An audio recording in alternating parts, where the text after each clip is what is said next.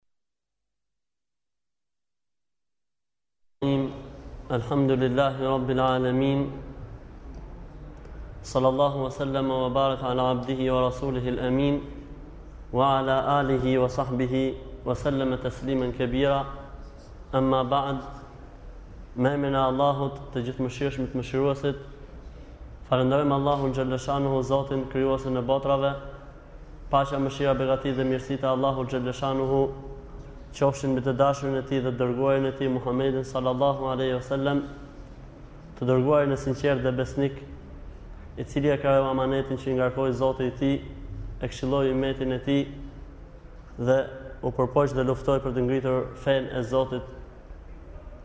Edhe ne për këtë jemi dëshmitar Paqja, mirësitë, begatitë e Allahut xhelleshanuhu qofshin mbi të dhe mbi të gjithë ata që ndjekin dhe pasojnë rrugën e tij deri në ditën e gjykimit. Do të bëjmë plotësim të temave tona inshallah taala, të cilat kanë të bëjnë me familjen, të cilat kanë të bëjnë me atë që ne e quajmë jeta e lumtur në familje, duke përmend kështu shkaqet që çojnë Deri në këtë pikë, duke mos harruar kështu temën tonë kryesore ose temën bazë, e cila është arti i komunikimit me njerëzit dhe kemi thënë nëse njeriu nuk e arrin gjuhën e përbashkët dhe nuk arrin të komunikojë me njerëzit që janë më të afërt me të, familjen e tij, prindërit e tij, atëherë ky njeri kurrë nuk mund të jetë pozitiv në komunikimin e tij me njerëzit. Dhe ne gjithashtu do të qëndrojmë asaj linje për cilën kemi thonë më parë se Allahu xhelleshanuhu pa dyshimin më të vogël e ka bërë obligim. Allahu xhelleshanuhu pa dyshimin më të vogël e ka bërë obligim dhe e ka shkruar lumturinë për gjithsecilin prej atyne çifteve që i përmbahet të drejtave të martesës, të atyne drejtave cilat i ka përmend Zoti xhelleshanuhu në Kur'an dhe i ka trajtuar i dashuri i tij dhe i dërguar i tij Muhamedi alayhis salam në hadithet që kanë ardh të vërteta prej tij. Allahu xhelleshanuhu e ka bërë obligim Lumturinë për çdo çift dhe familje që i kryen të drejtat, qofshin këto të drejtat reciproke, qofshin këto të drejtat e veçanta mbi palën tjetër, qofshin këto të drejtat e kushtëzuara e kështu me radhë. Dhe kështu inshallah taala do të vazhdojmë sot me një temë të re, të cilat janë këshillat, disa këshilla atërore ose disa disa këshilla prindërore që kanë të bëjnë pikërisht me familjen e lumtur ose që kanë të bëjnë pikërisht me përsosjen e atij që ne e quajtëm në fillim të temave tona arti i komunikimit me njerëzit. Pa dyshim se natyra e këtyne këshillave nuk është diçka e re. Allahu xhelleshanuhu mbi të gjitha ka këshilluar në Kur'an Dhe po kështu Muhamedi sallallahu alejhi wasallam në hadithet e vërteta, dhe po kështu sahabët shokët e Muhamedit sallallahu alejhi wasallam, dhe po kështu dietarët brez mbas brezi dhe ata që janë deri në këtë kohë kanë dhënë këshillat e tyre, porositë e tyre për të qenë një jetë ose një familje muslimane e lumtur. Për shembull, i dërguari i Allahut sallallahu alejhi wasallam Kur pranon që të japi gocën e tij të pastër, të ndershme, bijën e të pastrit dhe të ndershmit, Fatimen radiallahu ta'ala anha për nuse Aliut radiallahu ta'ala anhu i thotë unë do ta jap vajzën time si bashkëshorte tënden porse me kushtin që të sillesh dhe të shoqërohesh mirë me të në jetë Po kështu nëse do të shohim hadithin e Enesit radhiyallahu ta'ala anhu, thotë kanë qenë shokët e Muhammedit sallallahu alaihi wasallam, që kur i përgatisnin vajzat për nuse për dikë, i këshillonin me këshilla që t'i mbanin mend gjatë jetës së tyre.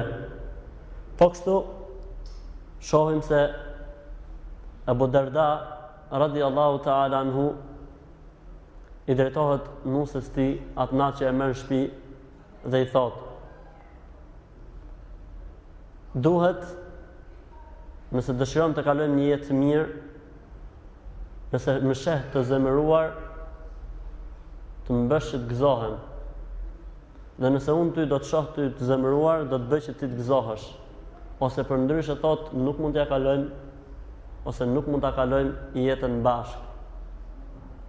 Po kështu ne do të shohim inshallah taala këshilla që kanë ardhur. Porse unë desha ta përmend se kjo gjë ka origjinë. Dhe kjo gjë është traditë. Edhe pa dyshim ai njeri që ka përvojë i jep mësim atij që nuk ka përvojë. Dhe këta janë breza të cilët kanë kaluar dhe kanë pirë mirë nga burimet e Kur'anit dhe Sunetit dhe kanë pas përvojën e jetës dhe i dinë mirë sprovat e jetës. Kështu që ne inshallah taala nëse do t'i ndjekim këshillat e tyre, inshallah taala do të arrijmë atë që quhet lumturia ose harmonia në një familje. Pa dyshim baza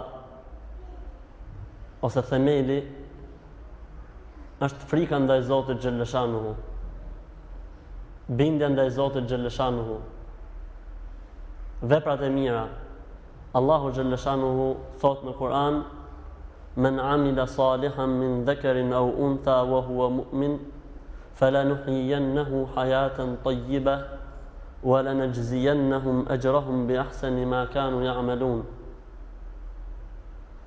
Kushdo që bën vepër të mirë, qoftë mashkull apo femër,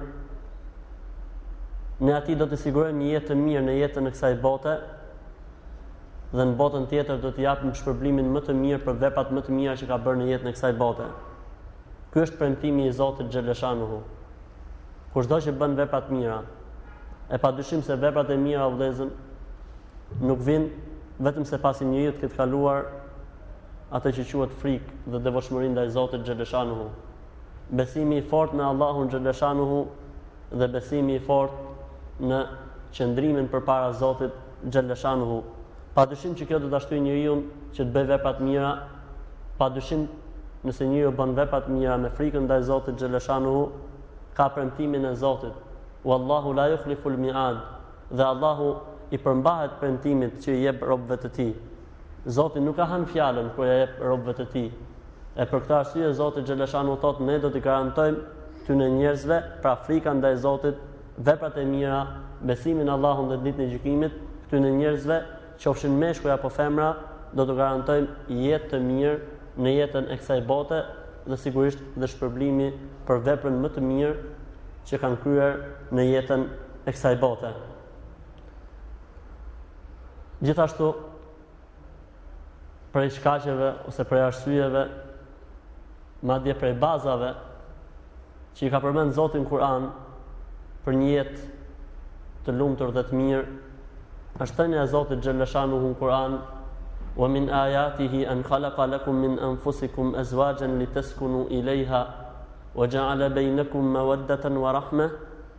Inna fi dhalika la ayatin li qaumin yatafakkarun.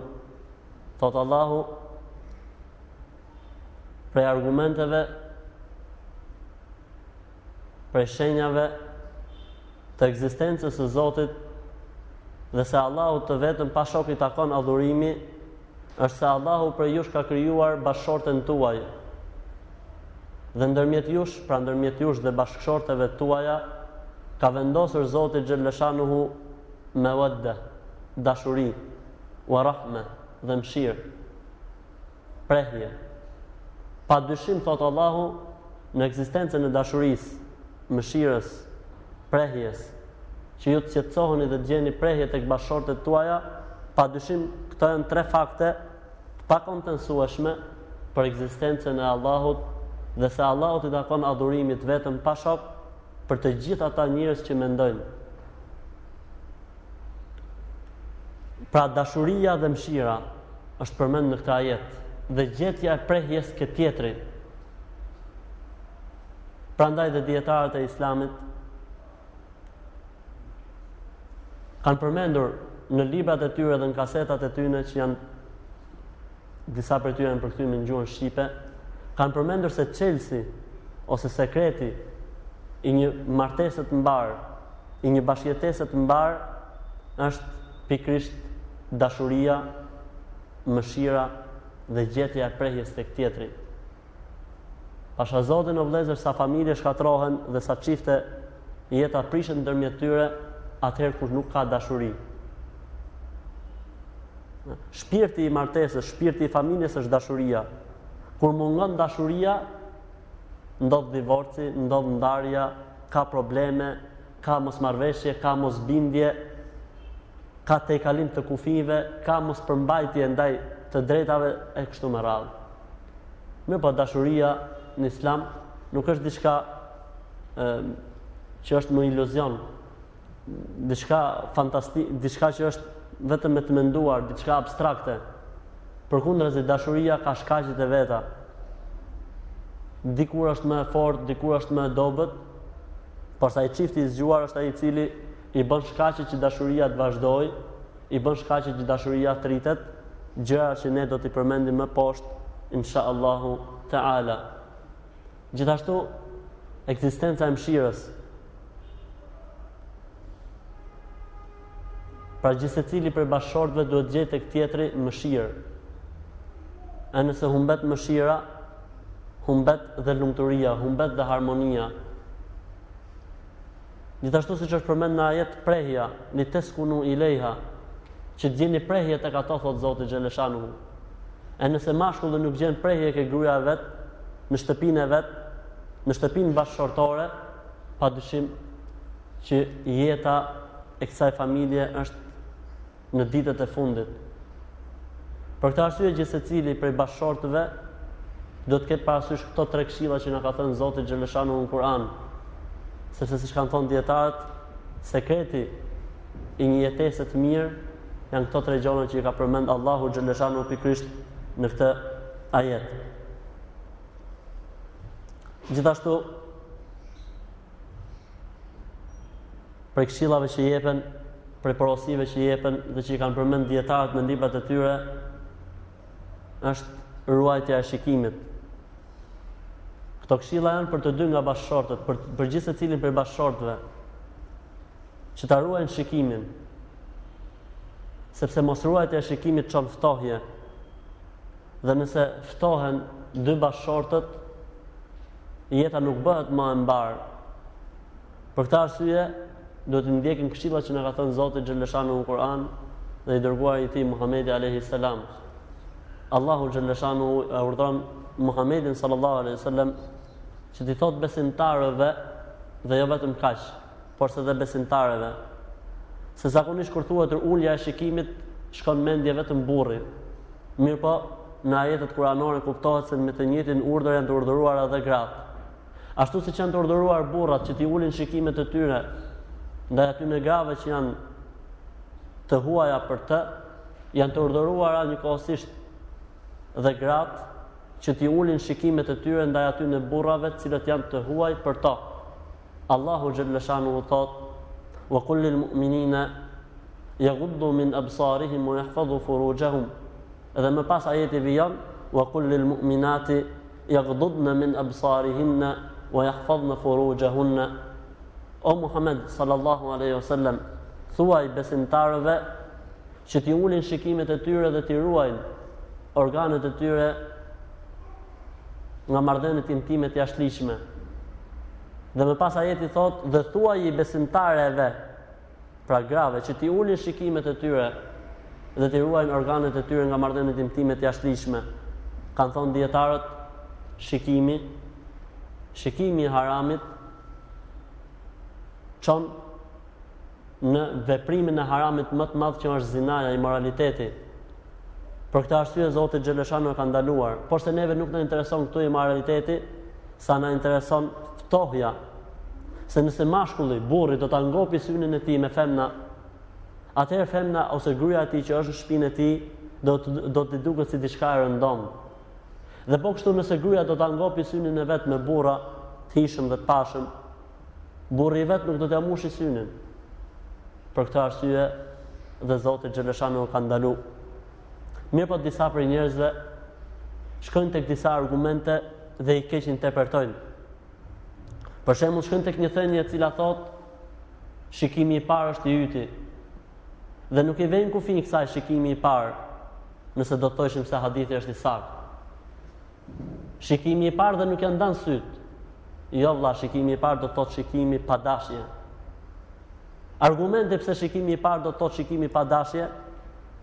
Thot njëri prej sahabeve radiallahu ta'ala anhum se eltu Rasul Allahi sallallahu aleyhi wa sallam anin nëdhari fejëa fe kale sërif basarak thot e pyta të dërguarin e Allahut sallallahu aleyhi wa sallam Për shikimin pa dashje, më tha pejgamberi sallallahu alaihi wasallam, ktheje shikimin tënd. Ose ne jemi dëshmitarë disa rasteve që pejgamberi sallallahu alaihi wasallam ka parë dikë që ka vështruar një femër dhe me dorën e tij të bekuar pejgamberi sallallahu alaihi wasallam ia ka kthyer fytyrën apo shikimin atij personi, atij sahabiu. Prandaj kujdes se shejtani mund të lozi me njeriun dhe të keqinterpretohen tekstet sipas tekave dhe dëshirave.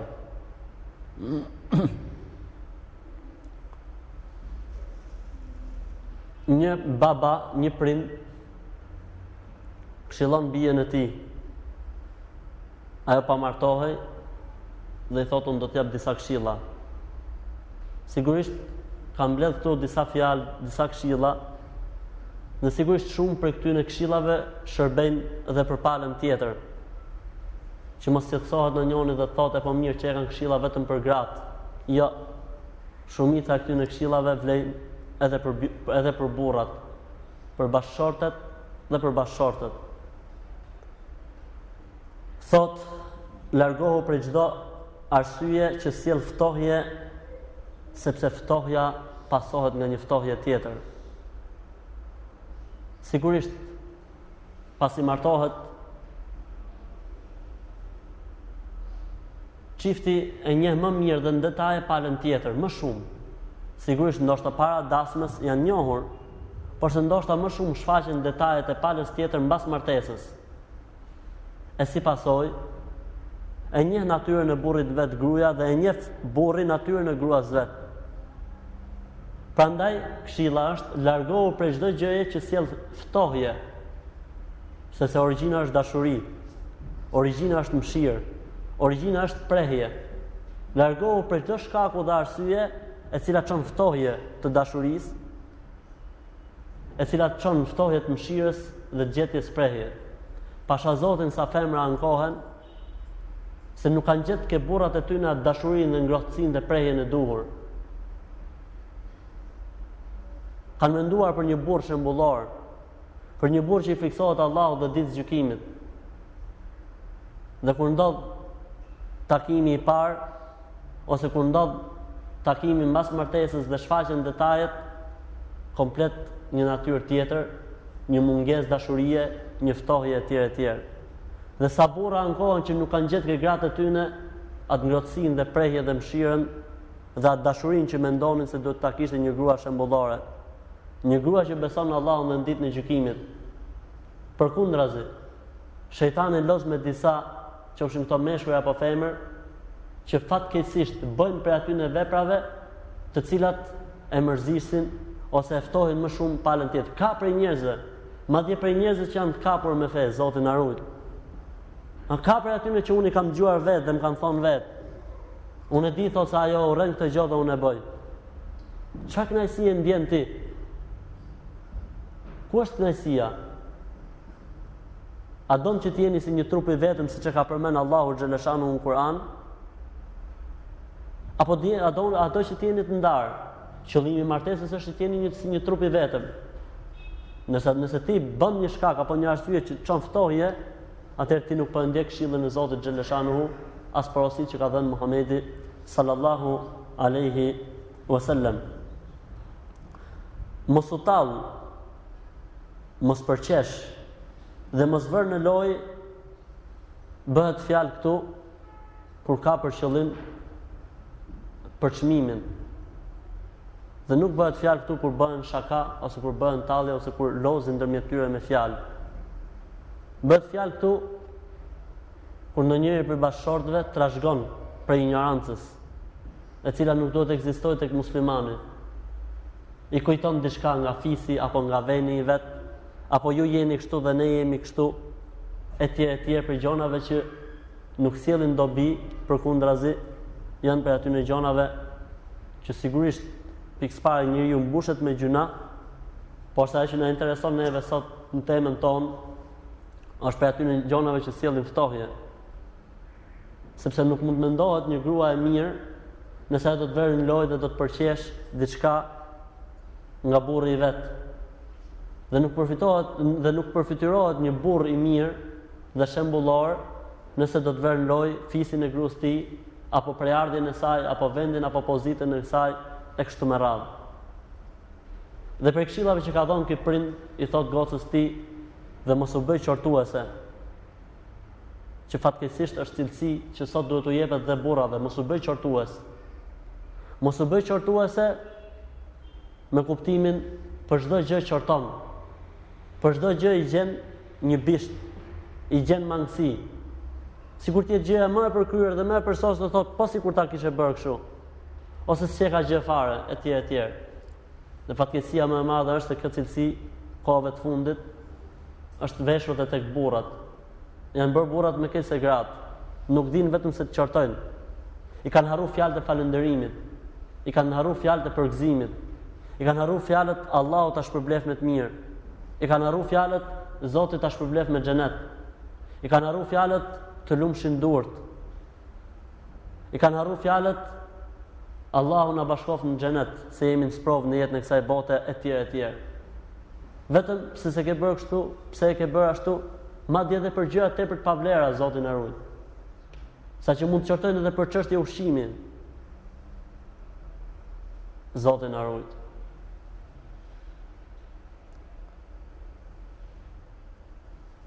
Thotë ji xheloze por se pa e tepruar. Thotë sepse xhelozia ka nxehtësi. Dhe nxehtësia kur i kalon gradat e veta djeg. Pra është e natyrshme që femra ose gruaja të ketë xhelozi për burrin e vet. Përkundrazi është xhelozia një argument se ekziston dashuria. Mirëpo xhelozia kanë thënë është diçka e ngrohtë ose e nxehtë. Dhe kur nxehtësia e tejkalon atë gradën e vet, ça ndodh në shtëpi, digjet shtëpia, Zoti na ruajt. Kështu digjet dhe jeta bashkëshortore, nëse ajo teprohet. Po kështu edhe nga ana e burrit, është e pëlqyeshme. Pejgamberi salallahu alejhi ue selem ka qenë xheloz. Sahabët shokët e tij të nderuar radiallahu anhum ka qenë kanë qenë xheloz. Po kështu jeta e Islamit dhe e muslimanëve, por se pa e tepru. Dhe ne kemi përmend një hadith ku pejgamberi salallahu alejhi ue selem thotë ka prej xhelozisë që është e dashur tek Allahu dhe ka prej xhelozisë që është e urryer tek Allahu. Xhelozia e dashur tek Allahu është ajo kur ka shkak dhe arsye. Dhe xhelozia e urryer tek Allahu është ajo që është pa shkak dhe pa arsye. Ji sa më e sinqertë me burrin tënd. Pra mos thuaj vetëm se të vërtetën. Në mënyrë që burri të gjejë prehje tek ti. Pa dyshim nëse burri është i sigurt në atë që i thotë gruaja e tij, do të jetë shumë i qetë. Po kështu edhe pala tjetër, burri duhet të jetë shumë i sinqert me gruan e tij dhe t'i thotë asaj të vërtetën. Ka prej njerëzve që e teprojnë me një argument. Edhe është thënia e njënës prej grave të pejgamberit sallallahu alaihi wasallam se e ka dëgjuar pejgamberin sallallahu alaihi wasallam se ka thënë në lidhje me gënjeshtrën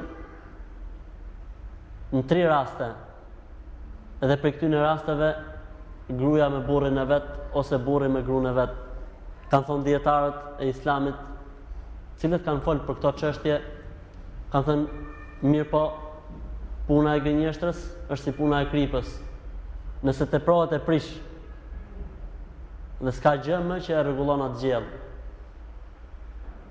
Pra nëse është diçka që ka të bëjë me dashurinë, nëse është diçka që ka të bëjë me pamundësinë, lejohet gënjeshtra. Ama të bëhet gënjeshtra traditë dhe pasion?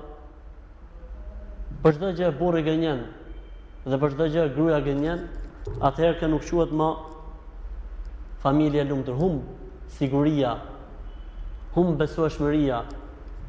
E si pasojë, Ka humbur prehja, gjë që nuk e pëlqen Zoti xhelleshanuhu, gjë që nuk e pëlqen i dërgumi i tij Muhamedi sallallahu alaihi wasallam. Mos i trego gjithkujt atë që ndodh ndërmjet teje dhe burrit tënd. Dhe e kundërta është e saktë. Mos i trego gjithkujt atë që ndodh ndërmjet teje dhe gruas tënde. Ka prej grave që i tregojnë grave të tjera ose motrave të tjera muslimane çdo gjë që ndodh ndërmjet saj dhe burrit vet. Dhe nuk kam për qëllim këtu se i tregojnë se ça bëjnë në shtrat. Jo. Kam për qëllim zënkat, problemet. E si pasojë e merr vesh motra muslimane dhe e merr vesh dhe vllai musliman dhe vllai musliman i tregon dhe një vllai tjetër dhe kur shkon lajmi ke burri i vet, çfarë do të ndodhë? Do të ketë ftohje, pre, do të ketë ftohje, do të ketë afërsi, do të ketë sigurisht ftohje, sigurisht do të ketë largim, Po kështu ndodh edhe me disa prej burrave, fatkeqësisht. Ça ndodh ndërmjet tyne dhe grave të tyne, ua kallëzojnë shokëve të tyne ose vllezërve të tyne. Dhe kjo është fatkeqësi. Pse? Se origjina është që ti ta fshehësh të metën e tjetrit. Sigurisht, përjashtohet këtu rasti kur është për këshillë. Kur ti i tregon dikujt që mund të jetë ky një person, i tregon, këshillohesh me të dhe të këshillon, edhe e din që është njeri që i run sekretet, i run fshehtat, nuk ka gjë. Sesa i shokut nesër apo pas nesër, nëse ka një zënkë ndërmjet teje dhe tij, ose një problem ndërmjet teje dhe tij, mund ta shfaqë këtë problem. Dhe bëhet shkak që ti ty të shkatërrohet jeta në familjen tënde.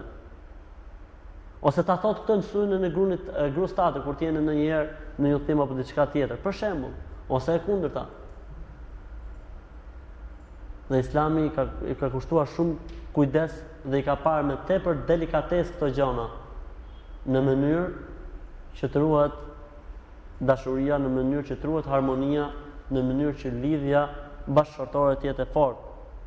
Sepse ajo është baza e familjes, ajo është baza e shoqërisë. Sa më pak kundërshtime mundohu që të kesh sa më pak kundërshtime me palën tjetër. Sidomos në rastin kur këto kundërshtime janë të ngritura mbi asgjë, mbi gjë, mbi iluzione, mbi gjëra që nuk sjellin dobi në jetën familjare ose nuk kanë dobi në çështjet e ahiretit apo në çështjet e dynjasë. Sepse origjina është që kur dikush të kundërshton, ta duash apo ta urresh, natyra njerëzore si e ka zakon njeriu. Kur dikush të kundërshton, e don ti atë njeri, atë që të kundërshton? Ë, apo është ajo shprehja që thot, ai që ai që të kundërshton me i fjalë, ai të don fort me i fjalë, ose ai që t'i shfaq të metat. Ato burra, ato gra kanë vdek me i fjalë. Origjina është që mos me e kundërshtu palën tjetër. Me çfarë kuptimi? Kur nuk preket feja e Zotit xheleshanu, kur nuk preken interesat e familjes. Ka prej atyne njerëzve që Për çdo gjë është i gatshëm të japë mendim të kundërt me palën tjetër. Pastaj thotë ose ankohet thotë ka ftohje ndërmjet meje dhe burrit tim. Si t'ja bëj hallit? Sigurisht, nëse ti do të kundërshtosh për çdo gjë kot, sigurisht që do të ketë ftohje, se kjo është natyrë na, natyrë njerëzore. Natyra e njeriut është e tillë. Po kështu edhe me palën tjetër. vendosi përpara, i thot ky bab i mirë gocës vet, thot vendosi përpara punët e shtëpisë. Sigurisht o vëllezër, nëse vjen burri në shtëpi dhe motrat që dëgjojnë këtë fjalë, kur vjen burri në shtëpi, është i lodhur, është i munduar, ka pas probleme, halle etj etj. Nëse ai vjen në shtëpi edhe gjen rrëmujë, e kërkon diçka dhe nuk e gjen n'vendin e vet. Shkon tek kuzhina dhe s'merret vesh i pari me të dytin. Shkon tek dhoma gjumit, nuk e gjen krevatin e tij në rregull etj etj. Sigurisht këto gjona çfarë çojnë? çojnë ftohje. Sepse burri don që ke gruaja e tij dhe në shpinë bashkëshortore të gjej prehje, të gjej paqe. Nëse e gjen në këtë formë dhe në këtë mënyrë dhe në këtë trajt, nuk ka paqe, nuk ka prehje. E si pasoj, nuk ka dashuri, e si pasoj, nuk ka harmoni, e si pasoj, nuk ka lumturi. Për këtë arsye, gratë t'i frikësohen Zotit xhele shanuhu. Se kjo është një e drejtë që i takon burrave të tyne, t'i vejnë punët e shpis përpara. Mos e fillo më asgjë prej punëve, nëse ti nuk ven nën kontroll shpin, pastrimin, rregullimin, e kështu me radhë.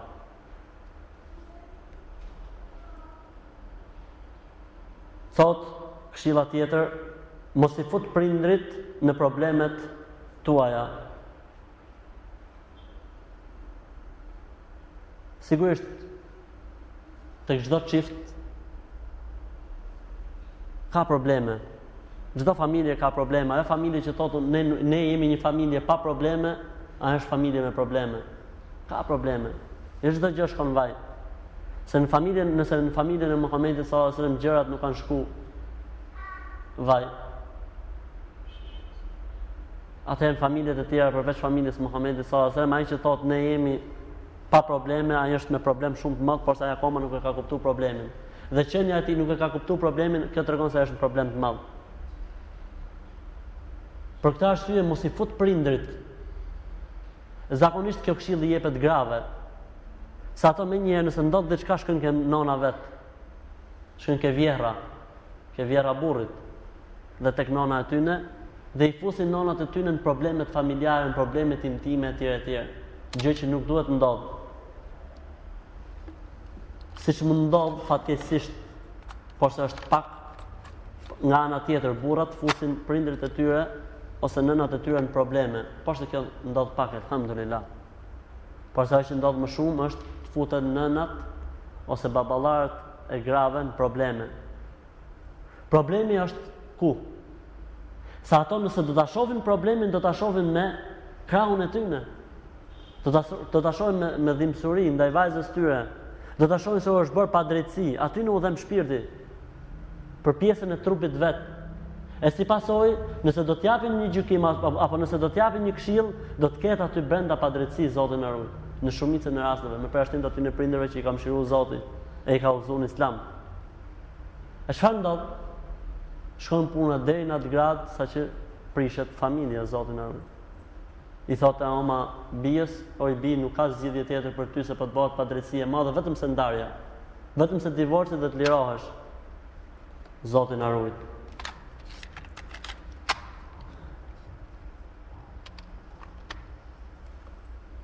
Thot, kujdes, kjo ka të bëj me babën, kjo ka të bëj me prindrit. Kujdes thot oj bija ime, sa herë që të vizitoj, mos më shfaqesh e mërzitur. Thotë se nuk ka gjë më të rëndë për prindin, për babën ose për nonën, pra që ta shofi bijën e vet të mërzitur, që ta shofi të brengosur. Se gjithsecili kur e ka martu vajzën e tij, e ka martu për të gjetë një jetë më të mirë, për të ndërtuar një jetë të mirë. Dashuri dhe harmoni, prehje, mëshirë. E nëse baba kupton se vajza e vet nuk po e bën një jetë të tillë, sigurisht që do të preket shumë. Nëse nona e kupton se vajza e vet nuk po e bën një jetë të tillë, sigurisht që do të preket shumë. Sigurisht dhe pala tjetër. Çuni nuk duhet të japi të kuptoj prindërve të tij, nëse ka ndonjë mosmarrëveshje ndërmjet tij dhe gruas tij, se është i mërzit apo është i paknaqur. Se dhe atyne u dhem zemra dhe u dhem shpirti për fëmijën e tyre, ashtu siç ndodh dhe me palën tjetër. Gruaja e Auf Ibn Muslim esh-Shejbanit rahimahullah e këshillon gocën e vet para martesës dhe i thot Oj bija ime po e lën shpin ku ke banuar për një shpi, për tek një shpi që ti nuk e din se si është dhe po e lën folen ku ke jetuar për një vend të panjohur për ty. O bija ime i thotë. Sikur të ishin të panevojshme gratë për burrat, e burrat për gratë, do të ishte bashku nëna jote me babën tat. Porse dije mirë o burr, oj bija ime, se gratë janë krijuar për burrat dhe burrat janë krijuar për gratë. Oj bija ime i thotë, ji për burrin tënd robëreshë, që burri të jetë për ty skllav, rob. Subhanallah. Dhe thotë të lutem oj bija ime thotë, ki parasysh 10 këshilla që po t'i jap. Atëherë le të shohim se çfarë këshillash ka dhënë kjo nënë bijës vet. Dhe sigurisht dhe anasjellta e këtyre këshillave është shumë e rëndësishme dhe duhet parë me sy me, me atë syrin e peshës vet. Thotë e para dhe e dyta këshilla, pra dy këshillat e para janë jetesa dhe shoqëria me të mirë dhe bindja. Pra, jeta nuk është diçka e çastit. As nuk është as nuk është diçka që është një ditë apo një javë. Sepse martesa me një ditë dhe me një javë është e ndaluar në Islam. Martesa muta, martesa me kontratë. Pra përcaktohet koha, do të jetojmë një vit apo dy vjet. Kjo është e ndaluar në sheriat. E përderisa jeta në islam është deri në vdekje, insha Allah, ka nevojë për një jetesë dhe një shoqëri të mirë. është si puna e atij shokut që ti zgjedh. A, pash zotin, nëse ti oj vëllai im, or vëllai im, ose oj motra ime, do të bësh një udhëtim. Ça shoku zgjedh? e zgjedh një njeri që ja plotëson dëshirën dhe ta plotëson dëshirën, ta shkon hatrin dhe ja shkon hatrin, apo zgjedh një njeri i cili ai ka mendjen e vet edhe asnjëherë gjatë udhëtimit nuk merreni vesh. Sigurisht që do të gjesh një shok që ja shkon dhe ta shkon hatrin. Po kështu nëse do të ishte udhëtimi me femra, do të gjente një shoqe që ja shkonte, ajo hatrin dhe kjo hatrin asaj. Nëse ndodh që nuk bashkohen të njëjt, çfarë duhet të ndodh? Duhet të ndodh ndarja, duhet të ndodh divorci, duhet të ndodh shkatërrimi, jo. Atëherë je ti ajo pala e cila toleron. Sepse nëse ti do të tolerosh një herë, dy herë, tre herë, pesë herë, dhjetë herë, sigurisht që palën tjetër do ta vesh në pozitë. Kështu që edhe ato do të detyrohen që të kalojnë me ty një jetë dhe një shoqëri të mirë. Nëse ti je me një shokun tënd dhe ai gjithmonë ngul këmbë në të tijën dhe ti e toleron, dhe ti e toleron, dhe ai a ça do të ndodhi ai, edhe ai do të vihet në pozitë dhe do të vihet në turp dhe ai do të tolerojë. Dhe bindja sigurisht o vëllezër, konsiderohet bindja ndaj burrit, ne e kemi marr. kemi thonë është e drejt absolute e burrit bindja e gruas. Porse sigurisht kjo nënë këto këshilla ka dhënë duke u mbështet në librin e Zotit Xheleshanuhu dhe në traditën e Muhamedit sallallahu alejhi ue selem. Këshilla e tretë dhe e katërt thotë Kujdes thotë, sytë edhe hundën e burrit tënd. Çfarë ka për qëllim me sytë edhe hundën? Thotë, sytë e burrit tënd mos shofin vetëm se mirësi. Dhe hunda e tij thotë mos ndjej vetëm se erë të mirë prej teje. Pse? Se ka ndikim kjo në dashuri, ka ndikim në harmoni, po kështu edhe e kundërta. Mundohu vllai im, që gu, dhe kujdesu për syt dhe për hundën e gruas tënde. Mos shohi te ti gruaja jote vetëm se mirësi. Dhe mos ndjej prej teje vetëm se erë të mirë. Dhe pastaj i thot nona bijës vet, thot dhe dije bija ime thot, se zbukurimi më i mirë thot është lyrja e syve. A, kjo është magjia hallall. Gruja i lyn sytë për, bar, për para burrit vet. Thotë, dhe ji gjithmonë e parfumosur përpara burrit tënd. Jo me erën e kuzhinës, jo me erën që ke la fëmijën etj etj. Jo, thotë, rri gjithmonë e parfumosur, me rrobat më të mira dhe më të hijshme. Thotë, dhe nëse nuk ke parfum, se dikush thotë, po kur s'ka parfum, thotë, dije se parfumi më i mirë thotë është uji dhe sapuni. Dhe dije thotë se parfumi më i mirë është uji dhe sapuni. Dhe në një transmetim tjetër kur ka ndodhur kjo këshill ndërmjet një sahabiu dhe vajzës tij, i ka thonë dhe dije se parfumi më i mirë është uji i pastër. Uji i pastër. Çfarë kushton që të lahesh me ujë të pastër, me ujë të kulluar? Nëse ka djersë, nëse ka zhul, nëse ka diçka pastrohet. Prandaj thuhet në një nga thënjet ose prej këshillave që jepet në botën perëndimore është që domethënë këshillohet bashkëshorti ose bashkëshorti që të lahen vazhdimisht me ujë të pastër në mëngjes para gjumit e tjerë e tjerë. Kurse ne musliman e kemi kry këtë pikë me çfarë? Me abdesin. Ha? Pëlqehet që muslimani për çdo namaz të marrë abdes. Sidomos kur është i martuar. Se do të takohet me gruan e tij, do të rri me gruan e tij. Edhe nëse njeriu pastrohet pesë herë me abdesin, ashtu siç është tradita e Muhamedit sallallahu alajhi wasallam, larja tre herë etj etj deri në fund, pa dyshim që fytyra e tij do të fitojë dritë, do të jetë e pastër dhe pa dyshim që dashuria do të jetë dhe sigurisht që kjo është prej atyne gjonave që ndikojnë në forcimin e dashurisë dhe të harmonisë insha Allahu taala dy këshillat e tjera thot kujdes Të veçantë, oj bija ime thotë, me vaktet e ushqimit dhe kohën e gjumit të burrit tënd. Kujdes të veçantë duhet tregosh oj bija ime me vaktet e ushqimit të burrit tënd dhe me kohën e gjumit. Thot sepse uria ka një flak shkatruese. dhe prishja e gjumit prish jetën.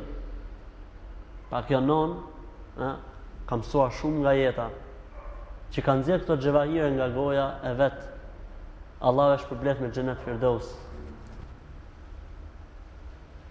Kujdes me vaktet e ushqimit. Burri kur vjen në shtëpi duhet ta gjejë ushqimin gati. Ka ngrën apo nuk ka ngrën? Ka qenë i ftuar apo jo i ftuar, ushqimi duhet të jetë gati. Sigurisht, çdo familje ka traditën e vet. Çdo vend ka traditën e vet. Diku një vakt është më më i trashë se sa vakt e tjerë e tjerë, nuk na intereson. E rëndësishme kjo duhet të jetë e gatshme, në bazë t'asaj që është. Edhe burri nuk duhet të kërkojë diçka më shumë se ai ka çuar në shtëpi. Dhe kujdes thot me kohën e gjumit. Burri është lodh, ka pas problemet e veta, ka pas hallet e veta etj etj. Vjen në shpi edhe fëmijët bëjnë zhurmë, gruaja ban zhurmë, dikush ban zhurmë. Duhet kujdesesh. Dhe njëkohësisht nëse ti vjen në shpi dhe e gjen palën tjetër në gjumë, Nuk duhet t'i shqetësosh dhe t'ua prishësh gjumin. Ha, mos vjen aty pse të tjerët janë gjumë dhe ti s'ke flet gjumë. Është risku i tyne, Zoti xheleshanu ua ka dhonë, nëse ato i kanë marrë punët e tyne dhe i kanë kry detyrat e tyne, leji dhe ato të qetësohen. Sigurisht femra në shpinë e vet, ai që ka grue din shumë mirë, nuk rrin. Nuk rrin asnjë çast dhe lodhet, kputet, sidomos kur ka fëmijë, sidomos kur ka pas vizita dhe probleme të tjera etj etj. Prandaj ato kanë lodhjen e tyre. Siç ka burri lodhjen e vet dhe xhihadin e vet, jashtë shtëpisë e ka edhe gruaja xhihadin e vet. Prandaj dhe Islami i ka thonë grave të rrinë në shtëpinë e vet, se nëse ato do t'i kryjnë punët në shpinë e vet, ë, do t'u mjaftonte, s'ka pa, s'ka kohë as me nejt për jashtë, as me dal, as me Qartë o vëllezër, nëse ato do t'i kryjnë hakun shpisë vet, sidomos tash kur janë me fëmijë e kështu me radhë. Thot, prej këshillave pra që i ka dhonë kjo non bijës vet, kujdes të veçan thot për pasurin dhe për trupin e burrit tënd. Nëse burri do të shohë prej grusë vet se ja shpërdoron pasurinë ose ja lën diçka me e rujt edhe nuk e gjen ashtu siç e ka lon ai. Sigurisht që nuk do të ketë ngrohtësi apo jo vëllezër. Nëse gruaja nuk kujdeset për trupin e burrit vet, me çfarë kuptimi? Rrobat e tij. Ky është kujdes për trupin e burrit vet. për shëndetin e tij, nëse ai ka nevojë për një përkujdesje, ka një smundje, do të kalojë një dietë të caktuar etj etj. Nëse ai nuk kujdeset, sigurisht që do të ketë ftohje, sigurisht që do të ketë përçarje, sigurisht që do të ketë prishje. Po kështu edhe pala tjetër. Edhe burri ka për obligim për grun e tij të kujdeset për trupin e saj, për shëndetin e saj. Kujdeset për pasurinë e saj, nëse ajo ka pasuri dhe Zoti xheleshanu i ka dhonë pasuri. Pra edhe e kundërta është e saktë. Thot dhe dije mirë thot o bija ime se çelësi i gjithë kësaj është fshehur në mirë menaxhimin ose në mirë administrimin e pasurisë burrit tënd. Pra nëse gruaja nuk ka dijeni, të pyesi, t'i marri leje burrit vet dhe me kaq kënaqet. Dhe do të vijë një këshillë e çuditshme më poshtë inshallah taala në lidhje me këtë çështje. Këshilla e 9 dhe e 10 thotë mos i nxirr sekretet e burrit tënd dhe mos e kundërshto. Sigurisht ka prej këshillave që do të përsëriten. Thotë mos i nxirr sekretet e burrit tënd dhe mos e kundërshto. Shumë e rëndësishme o vëllezër, ruajtja e sekreteve dhe mos kundërshtimi, për cilën ne folëm më përpara, por se kjo është një këshillë e ndërsjellë, një këshillë për të dyja palët, jo vetëm për gratë, jo vetëm për bashkëshortet, por edhe për burrat. Thot Ruhu, kujdes. Mos të jesh e gëzuar kur ai është i mërzitur. Dhe mos të jesh e mërzitur kur ai është i gëzuar. Çfarë nonë ka qenë kjo nonë vallahi që ka dhënë këto këshilla. Thot kujdes. Mos ji e mërzit kur burri është i gëzuar, se s'ka kuptim. Dhe njëkohësisht thot mos ji e gëzuar kur ai është i mërzitur. Edhe e kundërta është e saktë. Nëse ti sheh ke gruaja jote mërzitje, mos shfaq ti gëzim, por se mundohu që edhe atë ta gëzosh.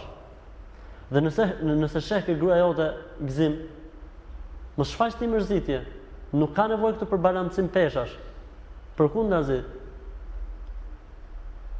mundohu pra që atë atë hidhërimin e saj dhe ti ta kthesh me zgjuarsinë tënde, me shakat e tua ta kthesh në gëzim e kështu me radhë pra dhe për palën tjetër. Thot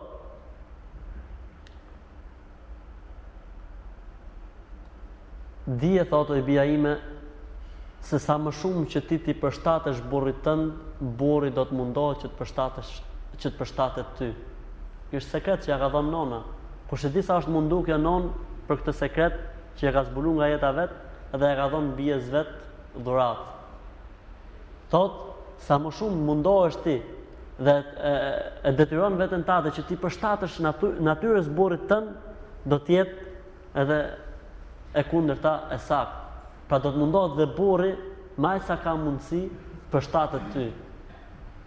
Kjo është ajo martesa e lumtur, shtëpia e lumtur.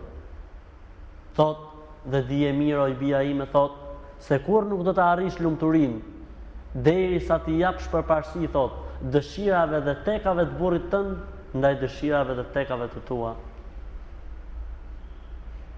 Pra ka shumë gjona që ti nuk i don, mirëpo i don burri, atëherë duhet t'i japsh përparësi kënaqësisë dhe dëshirës burrit. Se femra ka nevojë gjej ngrohtësi, gjej mbrojtje, E nëse nuk e bën këtë punë femra, nuk do të gjejë ngrohtësinë e duhur ke burri i vet. E si pas e si pasojë nuk do të gjejë lumturi. Atëherë nëse do lumturi, jepi përparësi dëshirave dhe tekave të burrit tënd ndaj dëshirave të tua. Ndërsa një nënë tjetër e këshillon bijën e vet dhe i thotë Thot oj bija ime, mundohu thot që gjithmonë trupi jot të jetë i pastër. Sigurisht kjo është një këshillë dhe për palën tjetër. Mundohu që trupi jot të jetë sa më i pastër. Sa më larg erave, qofshin kjo era e punës, qoftë kjo erë djerse apo probleme të tjera, qoftë edhe një erë që nuk e pëlqen pala tjetër, mund të jetë një erë shumë e mirë për shoqërinë ku ti ku ti jeton, mirëpo gruas tënde nuk i pëlqen kjo erë. Atëherë mos e vër këtë erë. Po kështu dhe ti motra ime muslimane, nëse është një erë që shoqet e tua ta pëlqejnë shumë ose i ka dalë nami si erë e mirë etj etj, mirëpo burrit nuk i pëlqen kjo erë, mos e vendos këtë erë. Sigurisht bëhet fjalë për ato erëna dhe për ato parfume që gruas i lejohet parfumoset me to në shtëpinë e saj dhe nuk bëhet fjalë për ato parfume dhe erëna që i njihet era kur femra ecën rrugë, se për këtë ka ndalim. Thotë, oj bija ime, sa herë thotë ta takosh burrin tënd, Takoje e gëzuar thotë se nëse do ta përngjasojmë thotë dashurinë me një trup, shpirti i këtij trupi, pra shpirti i dashurisë është buzëqeshja. Nëse dashurinë do ta krahasojmë me një trup, shpirti i trupit, trup çdo trup ka shpirt, apo jo vëllezër? Thotë, dhe shpirti i dashurisë, pra që e bën një dashuri të jetojë apo të mos jetojë, thotë është pikërisht e fshehur tek buzëqeshja dhe çelja e fytyrës. Transmetohet se një vëlla i ka thonë motrës vet, janë rrit këto pa babë dhe pa nënë. Dhe ky vëlla e këshillon motrën e vet para martesës dhe i thotë: "Oj motër, të gjithë respektin, të gjithë dashurinë, të gjithë mëshirën që ke pas ndaj meje, thot mbas asaj dite ktheje për ke burri yt. Gjithë dashurinë, gjithë respektin, gjithë mëshirën që ke pas deri më sot ndaj vllajit të madh që ka qenë ky vllai madh në vend babës, si me thon. Ato fëmijët, zakonisht vllai dhe motra duhen shumë edhe kur kanë babë, jo më në këtë rast, çka ndodh në këtë rast, që kanë qenë pa babë dhe pa nonë. Pra dashuria vëlla motër plus që ka qenë dhe kujdestar për të, ka qenë përkujdes dhe për të etj etj. Thon plus e më shumë. Po gjitha këto mas martesës ktheja kujt? Derdhi ku? Derdhi thot ke burri yt. Ky është ai vëlla i mirë. Pse? Se atij i ka interesu jeta e re që po ngren motra e tij. Ndërsa një nën tjetër e këshillon vajzën e vet me disa këshilla të tjera. Ndoshta ndonjëra mund të përsëritet, por se ka të reja. Thot Zbukurohu thotë për burrin tënd, ashtu si zbukuroheshe kur ishe beqare dhe kërkoje burr. Ju pëlqeu, ha? Edhe burri po kështu. Edhe ti vllai im zbukurohu për gruan tënde, ashtu si zbukuroheshe kur ishe beqar dhe kërkoje grua. Reciproke, kjo është e barabartë me atë. E ke parasysh si zbukurohet vajza kur don të gjej burr dhe si zbukurohet çuni kur don të gjej gru ka mi thot këtij në gjej nëse i thot dhe këtij tjetër i thot dhe këtij e hap lajmin kështu edhe kush është filani çfarë ndodh një mashallah kado që ta shohën çfarëdo lloj prizme që ta kthesh i, i përkryer, atëherë dhe mas martesës duhet t'vazhdoj kjo thot mos subhanallah shif a vlla çfarë këshillën Mos ju dorëzo thot askujt se e kupton burrin tënd më mirë se sa ti qoftë kjo dhe nona jote. Subhanallah. Thot mos ju dorëzo askujt se e kupton burrin tënd më mirë se sa ti qoftë ky që pretendon këtë gjë dhe nona jote. Pra njeriu që e kupton më mirë burrin je ti. Dhe personi që e kupton më mirë grun e tij është burri i vet. Dhe s'mund të futet askush ndërmjetës dhe t'thotë jo ai ka pas për qëllim, ai ta boni për këtë arsye, jo ai pikërisht etj etj. S'mundet, mos prano, mos u dorëzo. Nëse ti pranon që dikush t'i bëjë koment veprave dhe fjalëve të burrit tënd, atëherë ti kjo është një minus për ty. Dhe nuk mund të ketë një jetë me harmoni. Po kështu edhe e kundërta është e saktë. Thot mos dëgjo thot ato që e kritikojnë burrin tënd. Mos i dëgjo ato që e kritikojnë burrin tënd ose që e këshillojnë haptas. Pse? Ku është sekreti i kësaj? Se nëse ti do të dëgjosh ato njerëz, çfarë ndodh? Ti origjina është që të mendosh më të mirën për burrin tënd. Nëse ti dëgjon këto njerëz, fillojnë dyshimet, fillojnë iluzionet, fillojnë problemet, nis ftohja etj etj. Prandaj çdo kush që flet kundra burrit tënd, vej X-in. Vej atë shenjën gabim në fjalë. Pse se origjina është që burri për ty është i përkryer dhe i përsosur. Sigurisht nuk bëhet fjalë këtu për gabime të qarta që bien ndesh me Librin e Zotit dhe traditën e Muhamedit sallallahu alejhi ve sellem, porse origjina është që burri jot për ty është shembull dhe i përkryer dhe mos prano askënd që të futet dhe ta prishi këtë mendim. Nëse sheh thot tek burri yt ndonjë të met, kujdes kur ta këshillosh. Pa patjetër që burra që gruaja do shofi ke burri vet ndonjë të met. Dhe është e natyrshme që burri shofi ke gruaja vet ndonjë të met. Porse thot kujdes kur ta këshillosh. Se burri më ndryshe kur këshillon. Edhe është e natyrshme që burri ta këshillojë gruan edhe gruaja të jetë e bindur. Mirëpo kur është e kundërta, duhet me pas duhet me qenë me sfond një fjalë, duhet me qenë me finesë të madhe, duhet me qenë tepër e kujdesshme gruaja kur i jep këshillën. Sepse natyra e burrit është një fjalë që unë jam më i ditur, një fjalë më i mençur. Kështu ai mendon për veten e vet.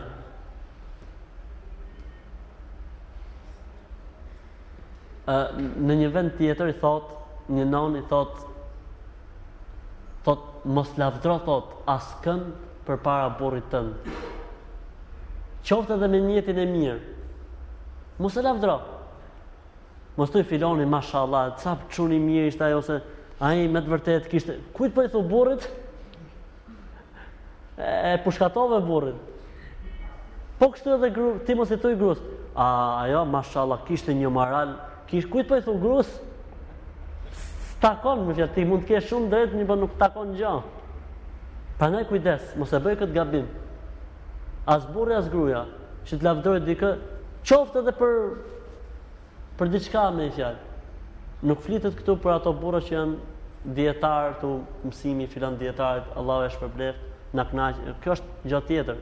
Flitet për shoqërinë e burrit për shembull ose për shoqërinë e gruas dhe Allahu di më së miri. Thot mos pretendo thot asnjëherë se ti mund të hapësh luftë burrit tënd. Pse? Se thamë burrat janë një gradë më lartë. Kshu që ti nuk mund të luftosh lart me fjalë. Apo jo vllezër. Mos pretendo, as mos, si thot populli, mos të shkoj menja për barazim me fjalë. Pra humja e sigurt, mos i hap, mos mundo se ti mund të mos mendo se mund të hapësh luftë burrit tënd, se kjo luftë është e humbur. Pse o vëlla është e humbur? Kush shpejt, kush e di përgjigjen? Shpejt kështu ta. Përgjigje rrufe. Sa i thot të kam nda, kush e humi luftën? Gruja humi. Thot je nda me gruja, a kështu e ka puna? Të kam nda tre herë, thot, hec, vazhdo hap rrugën, hap krahun, se ka tjera. Pra ti, kujdes me fjalë. Thot, dije thot se burri ka tre armë të forta. Armët e burrit thot janë në shprehjet e tij, a burri të këput. në dorën e tij dhe në hidhërimin dhe zemërimin e tij. Ja, këta janë armët bërthamore që zotëron burri. Mirëpo ti thot oj bija ime zotëron, zotëron thot disa armë më shumë se sa burri. A t'i zbulojmë ne apo mos t'jua themi këtu? A, t'jua themi armët e grave.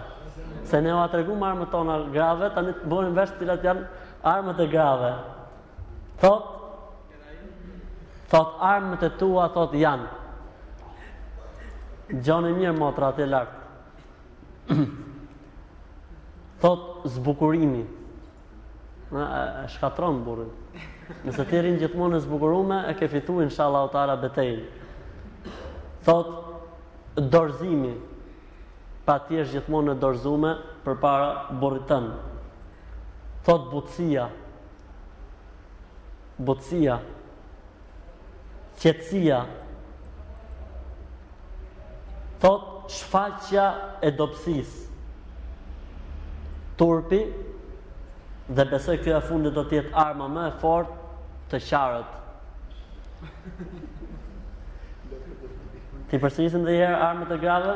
thotë zbukurimi, dorëzimi, butësia, butësia, qetësia, shfaqja e dobësisë, turpi dhe të qarët. Ja s'po i përsërisim më, mjaft, dy herë mjaftojnë inshallah. Prej këshillave që ka dhënë thot mos i zmadho fatkeqësit.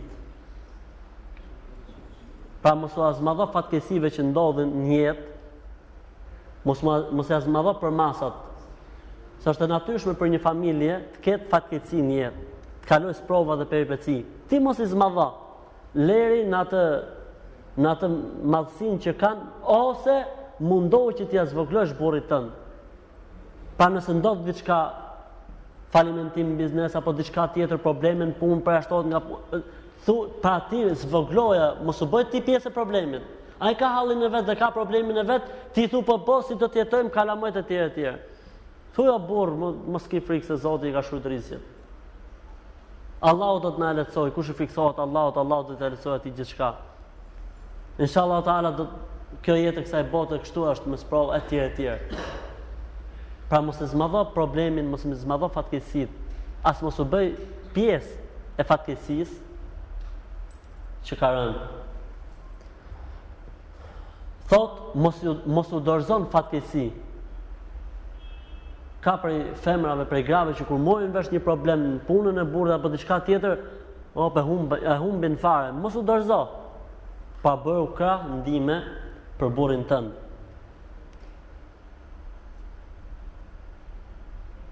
Thot, dije oj bija ime thot se burrit tënd i mjafton xhihadi jashtë shpis.